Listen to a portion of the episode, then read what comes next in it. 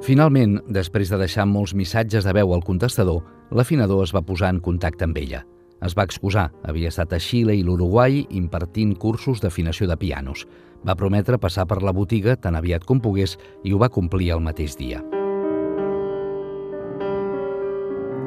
No era ben bé que en Peta i ell treballessin plegats, però gairebé.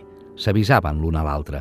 Si l'afinador veia una lira dels pedals que ballava o una maquinària que necessitava ajustar els mecanismes o calia refer un claviller, avisava sempre en Peta.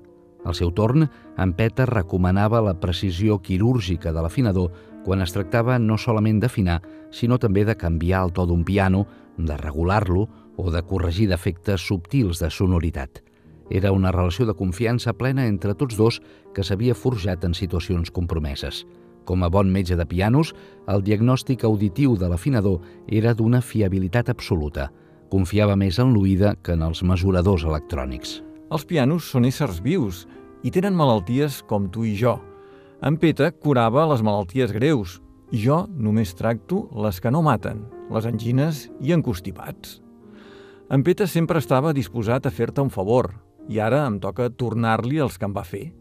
Compte amb mi per tot allò que necessitis.